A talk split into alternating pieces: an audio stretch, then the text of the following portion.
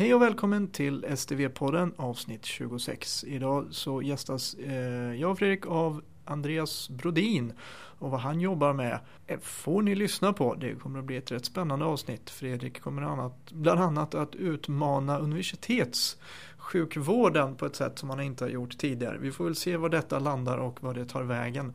Eh, missa inte detta och dessutom får ni lyssna lite mer kring den grundläggande designen, idén med STV och varför mer teknik och data i vården kan ge mer tid till patienterna.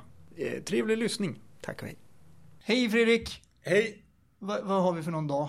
Eh, jag tjuvkikar precis men jag kommer inte ihåg det så jag får kolla igen. 18 13.09 Vi är i Lund. Ja. 18 september September, det här är ju två avsnitt samma månad. Ja, och det kan vara någon som lyssnar på det här 21 eh, eller 22. Man vet ju aldrig.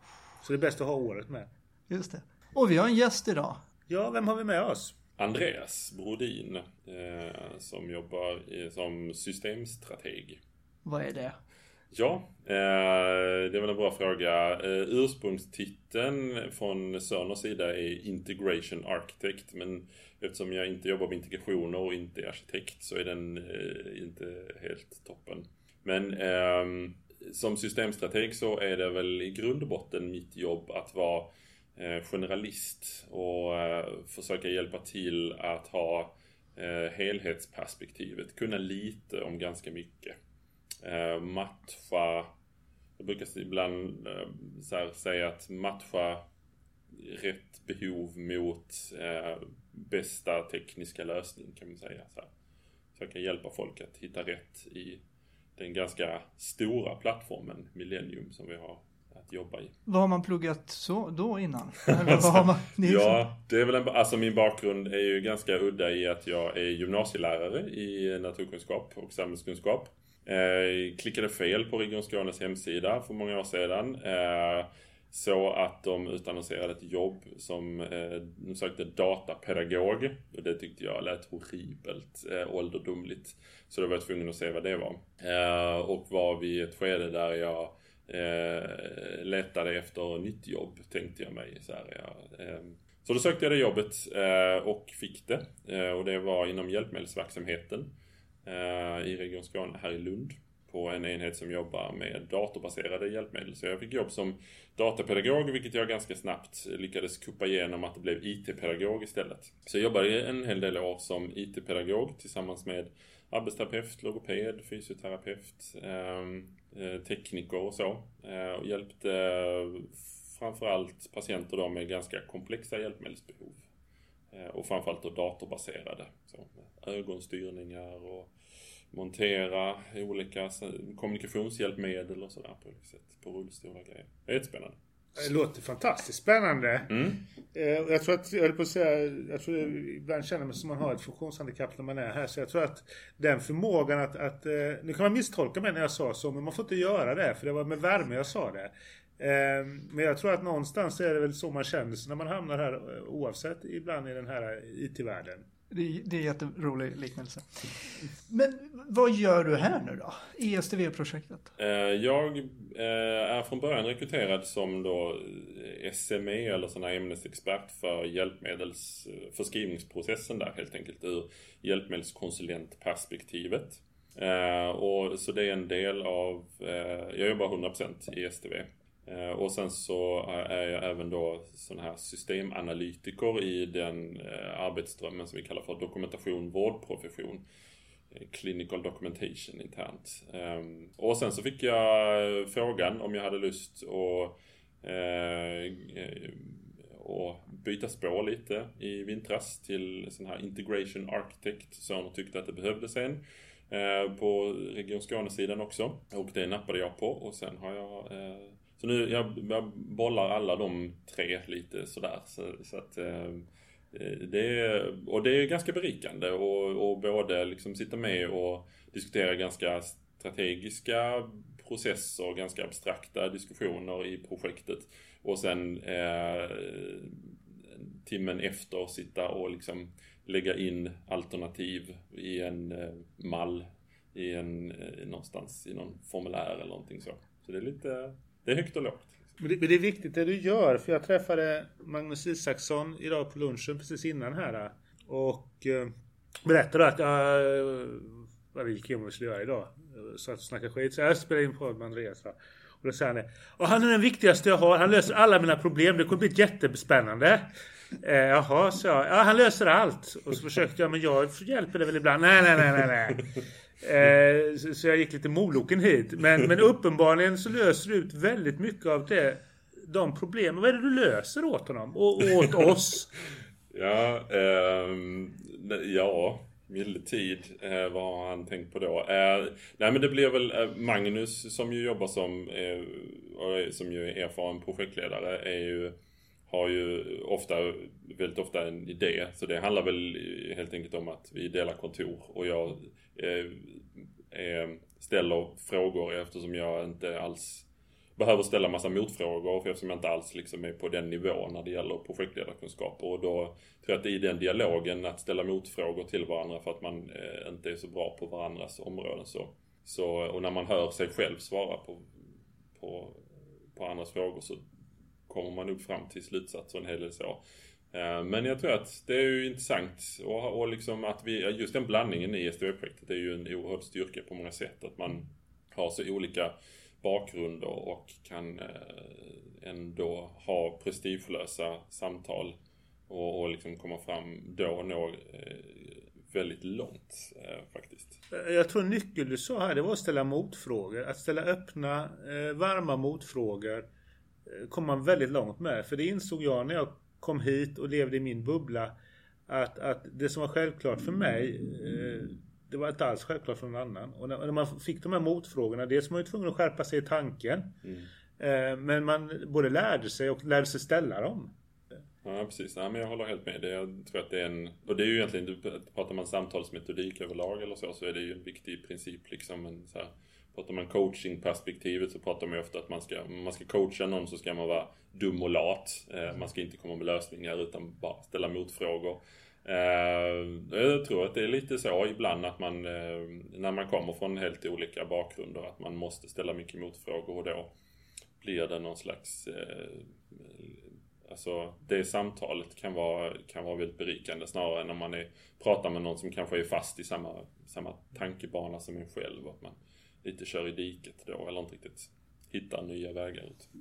Det, det, viktiga då är väl också att man, nu är vi egentligen inne på förändringsledning här, det är ett helt annat ämne, men jag spänner bara kort vidare. Eh, för, för någonstans gäller det också att våga ställa de där frågorna på ett öppet och ärligt sätt.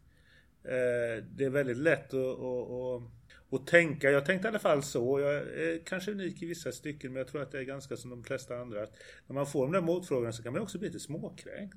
Vad fan tror du inte mm. jag kan mitt jobb? Tänkte jag i början när jag fick frågor om, om, om sjukvård. För det tyckte jag, det ägde jag. Kommer inte här och bråka. Håll er till nu så ska jag nog se till att sjukvården... Eh, men sen lärde man sig efter ett tag att de där mordfrågorna är rätt nyttiga och det som var självklart för mig även i en sjukvårdskontext är inte självklart för alla andra som är i sjukvården. Mm. Så, så de där frågorna är viktiga. Jag tror att det kommer vara jätteviktigt under hela den här processen framåt när man nu också möter STV ute i verksamheten, de första demorna, att för, för ställa frågorna och, och, fråga sig varför gör vi det här? Var, varför måste vi göra så här? Så att man mm. landar in i det. Vi kommer ju möta varandra tänker jag i, i Millennium också när vi, eh, och även i Helt Intent och andra delar av systemet. Men det, det har ju diskuterats eh, lite fram och tillbaka också. Alltså, tidigare har det varit ganska enkelt att eftersom det har varit så mycket gap i det IT, eller i liksom journalflödet. Man dokumenterar på sitt eget sätt efter sina egna behov på, i olika delar. Eh, och när man då ska, ska samsas i samma system så måste man förstå varandras behov på ett annat sätt. Varför ska jag fylla i det här? Eller det här verkar... Eh, det här ser jag inte behovet av varför jag ska kryssa i här. Men då, och då bygger det ju ofta på att om jag gör det nu och lägger 30 sekunder på det så sparar jag 10 minuter längre, längre ner i flödet så att säga genom att ha fyllt i den här informationen redan. Ehm, och det blir ju också en, en, en, ett lärande på något sätt, den här känslan av sammanhang, att man, att man ingår i en, en patientresan på ett annat sätt. Ehm, så det, jag, jag tror att det, det, här med att ställa motfrågor eh, är, är, både till STV men även till varandra på något sätt tror jag kommer vara en spännande del av, av införandet. Du har jätteintressant. Jag gjorde bara en, en association, känsla, sammanhang. När man predisponerar hälsa, en speciell modell som heter, som Antonovsky heter någon tjomme som kom på. Han pratar väldigt mycket om vikten av känsla av sammanhang. Nu tror jag att kanske första veckan när man går live inte man kommer känna så mycket sammanhang. men, men, men jag tror att du har en poäng där. För det finns ju en annan aspekt på det som jag har gått och klurat på. Visst att jag får en effekt nedströms. Men det blir också helt transparent vad jag gör. Mm. Eh, alla kommer se hur jag, hur jag har tänkt. Hur jag har, kanske inte agerat i mötet, men hur jag, hur jag har planerat den här resan för den här patienten. Vilket också borde öka patientsäkerheten, för då är det fler som kan upptäcka om jag har gjort en tankevurpa på vägen. Mm. Jag till exempel träffar någon så bestämmer att vi ska göra det här och det här. Eh, och nu kan hela följa och gå tillbaka. Jaha, det var så labbresultatet var, det var så anamnesen var. Och han gjorde så, vänta lite nu, här, det här då? Och så kan man återkomma, ställa frågan, du, hur blev det här? Är det rätt? Mm. Vi kommer ju få ett patientsäkrare sätt och förhållningssätt om vi vågar eh, ställa frågan. Ja. Jag förstår inte din plan. Ja. Nej, för jag tänker nu är det ju, planen kommer ju också finnas i Millennium på ett annat sätt. Väldigt mycket av vad vi planerar för patienten bor ju idag i på post-it-lappar eh, och i andra anteckningsblock och i, i, olika system och så. Nu kommer vi kodifiera det i form av ordinationer och vårdplaner på olika sätt. Så att man kommer ju att komma lite mer... De flesta kommer nog uppleva att när man öppnar journalen första gången för en patient så, så kommer det framgå mer vad som är planerat framåt. Inte bara historik bakåt utan att journalen faktiskt sträcker sig både framåt och bakåt i tiden. Eh, och, och där kommer nog också bli en del eh, när man tittar på att ja men varför i hela friden har ni ordinerat den här bedömningen om två månader? Vad är poängen med det? Och, eller så. Det, så det kan ju också bli en sån um, att, man, att man stöter på varandras arbete på ett nytt sätt kanske. Andreas, om, om du får gå tillbaka på din gymnasiekarriär, hur, hur vill du berätta och lära ut om STV? Um, ehm, Ja, men jag tänker att en, en viktig princip är nog att, eh, att närma sig den eh, i stegvis, tidigt.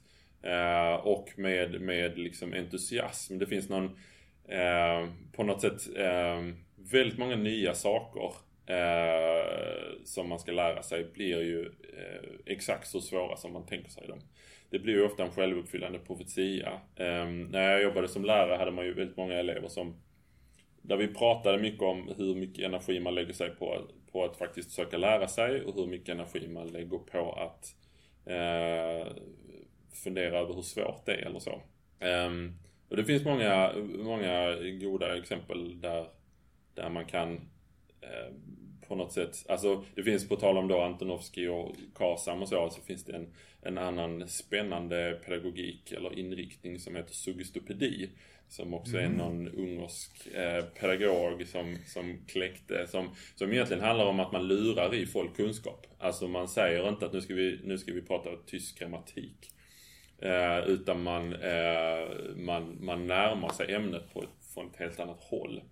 Um, och då och då tappar folk garden lite och glömmer bort hur jobbigt det är med nya saker eller hur jobbigt det är att lära sig nytt.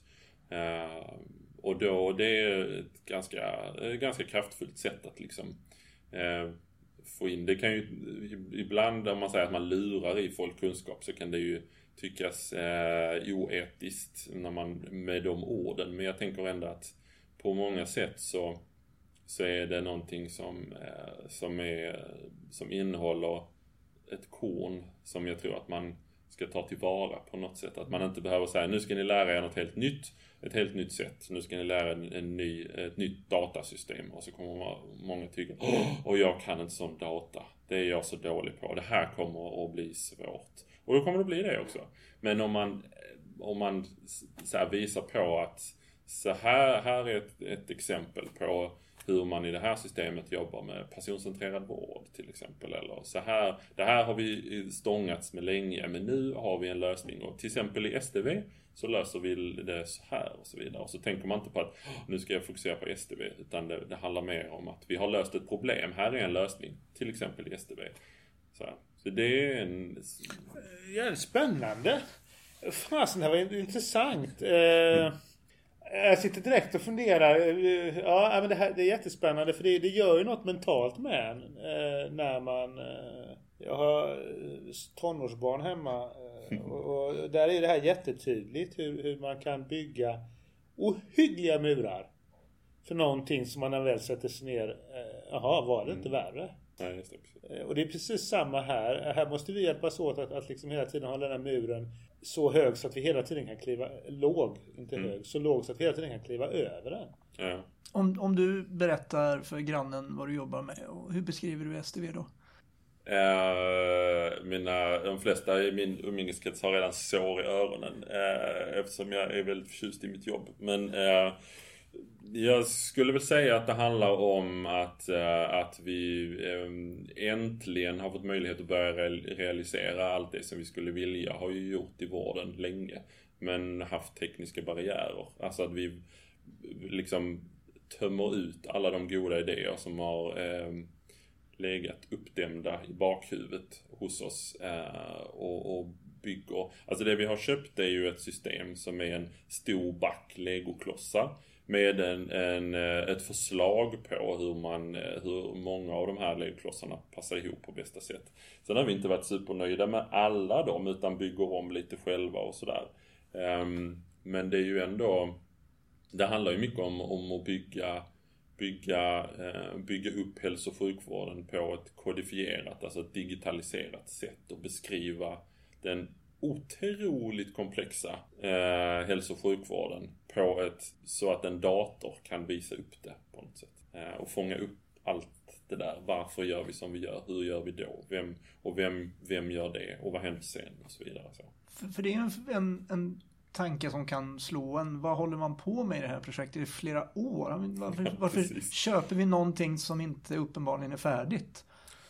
Ja men precis, och det är väl, det är väl liksom samma sak som, eh, som många andra IT-applikationer eller vad det nu kan vara. Att man, man köper ju en, en, eh, en behållare på något sätt om jag ska om jag ska, om jag har mina recept och så tänker jag att jag ska lägga upp dem på nätet så att hela släkt och vänner kan komma åt dem.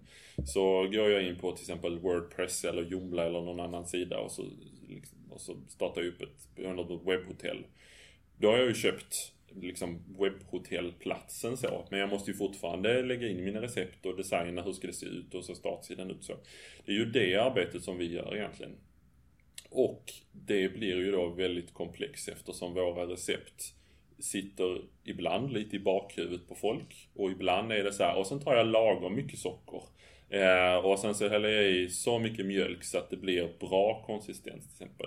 Och så här, jaha, ska, och ska man då beskriva det här på en hemsida? Fram tills nu trodde nog alla våra lyssnare att du pratade om läkemedelsrecept. Men okej, det var matrecept. Jag tänkte, Ma vad ja. fan föreskriver socker? Ja. ja, jag är så, så, här, så går det när man inte är riktig kliniker. Eh, nej men precis, men kokboksrecept då. Eh, att man liksom blandar upp ehm, eh, det som är väldigt tydligt i ett så här, så här gör man, eh, så här bakar man mandelbiskvier. Ehm, som kräver att man vet hur många, så man ska ha exakt 175 gram hackad mandel eller något.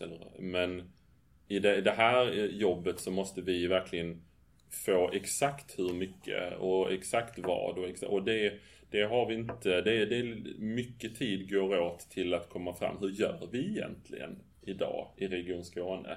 Gör vi likadant? Nej, det gör vi nog kanske inte riktigt. Eh, inte om vi börjar gräva i olika ärenden och så. Mycket tid går åt till att att komma fram till en klok, ett klokt sätt att få in det här i IT-systemet. Och varför gör vi det här Fredrik? Ja, men det, det här, jag, måste bara, jag vill inte svara på den frågan. För det är det här som är det stora problemet. För vi är ju konstnärer, många av oss som jobbar i vården. Jag tillhör själv den kategorin stundtals. Eh, och då vill ju inte jag, då vill jag att eh, patienten ska eh, behandla, alltså inte behandlas lagom mycket. Men mina insatser är min maggropskänsla i kombinerat med kompetens. Och det är det här som är, det här blir provocerande. Ja, men måste vi göra likadant då? Eh, varför måste vi det? Jag kan ju inte vara den här fria konstnären. Men då ska vi tänka på, det är inte fria konstnärer vi är, vi ägnar oss åt läkekonst. Vi ska lindra, bota, trösta. Och för att få tid att göra det så ska inte vi fundera över receptet. För jag kommer bli ihjälslagen för det här, men jag kan säga att 80-90% av de patienterna vi möter är ungefär likadana. Det är inte så komplicerat för det är vårt yrke. Eh, första dagen på jobbet, allting jättesvårt. Jag kommer ihåg när jag tog mina stapplande steg som AT-läkare. Jag slog upp allt. Men nu sitter det där. Och därför är det jag brukar säga, jag eh, kommer väl få en debattinlägg och folk blir förbannade, men när jag jobbade på en kirurg, på akutmottagning, eh, framförallt med kirurgi, så var det så tydligt, när man som ny kom där och hade varit ungefär ett år, då hade man sett 90-95% och klarade att ta hand om de patienterna med god kvalitet på ett säkert sätt. Mer komplicerat är det inte. Men det är de här fem sista som är jäkligt knöliga. Och det är där vi måste frigöra tid till att ha intellekt och förstånd att se när det avviker, och där kan IT hjälpa oss, och eh, få tid att ta hand om de patienterna. För, för det andra, det, det gör vi bara. Vi har en förmåga att vilja göra sjukvården så förbenat komplex. Vi måste förenkla för den är inte så komplicerad.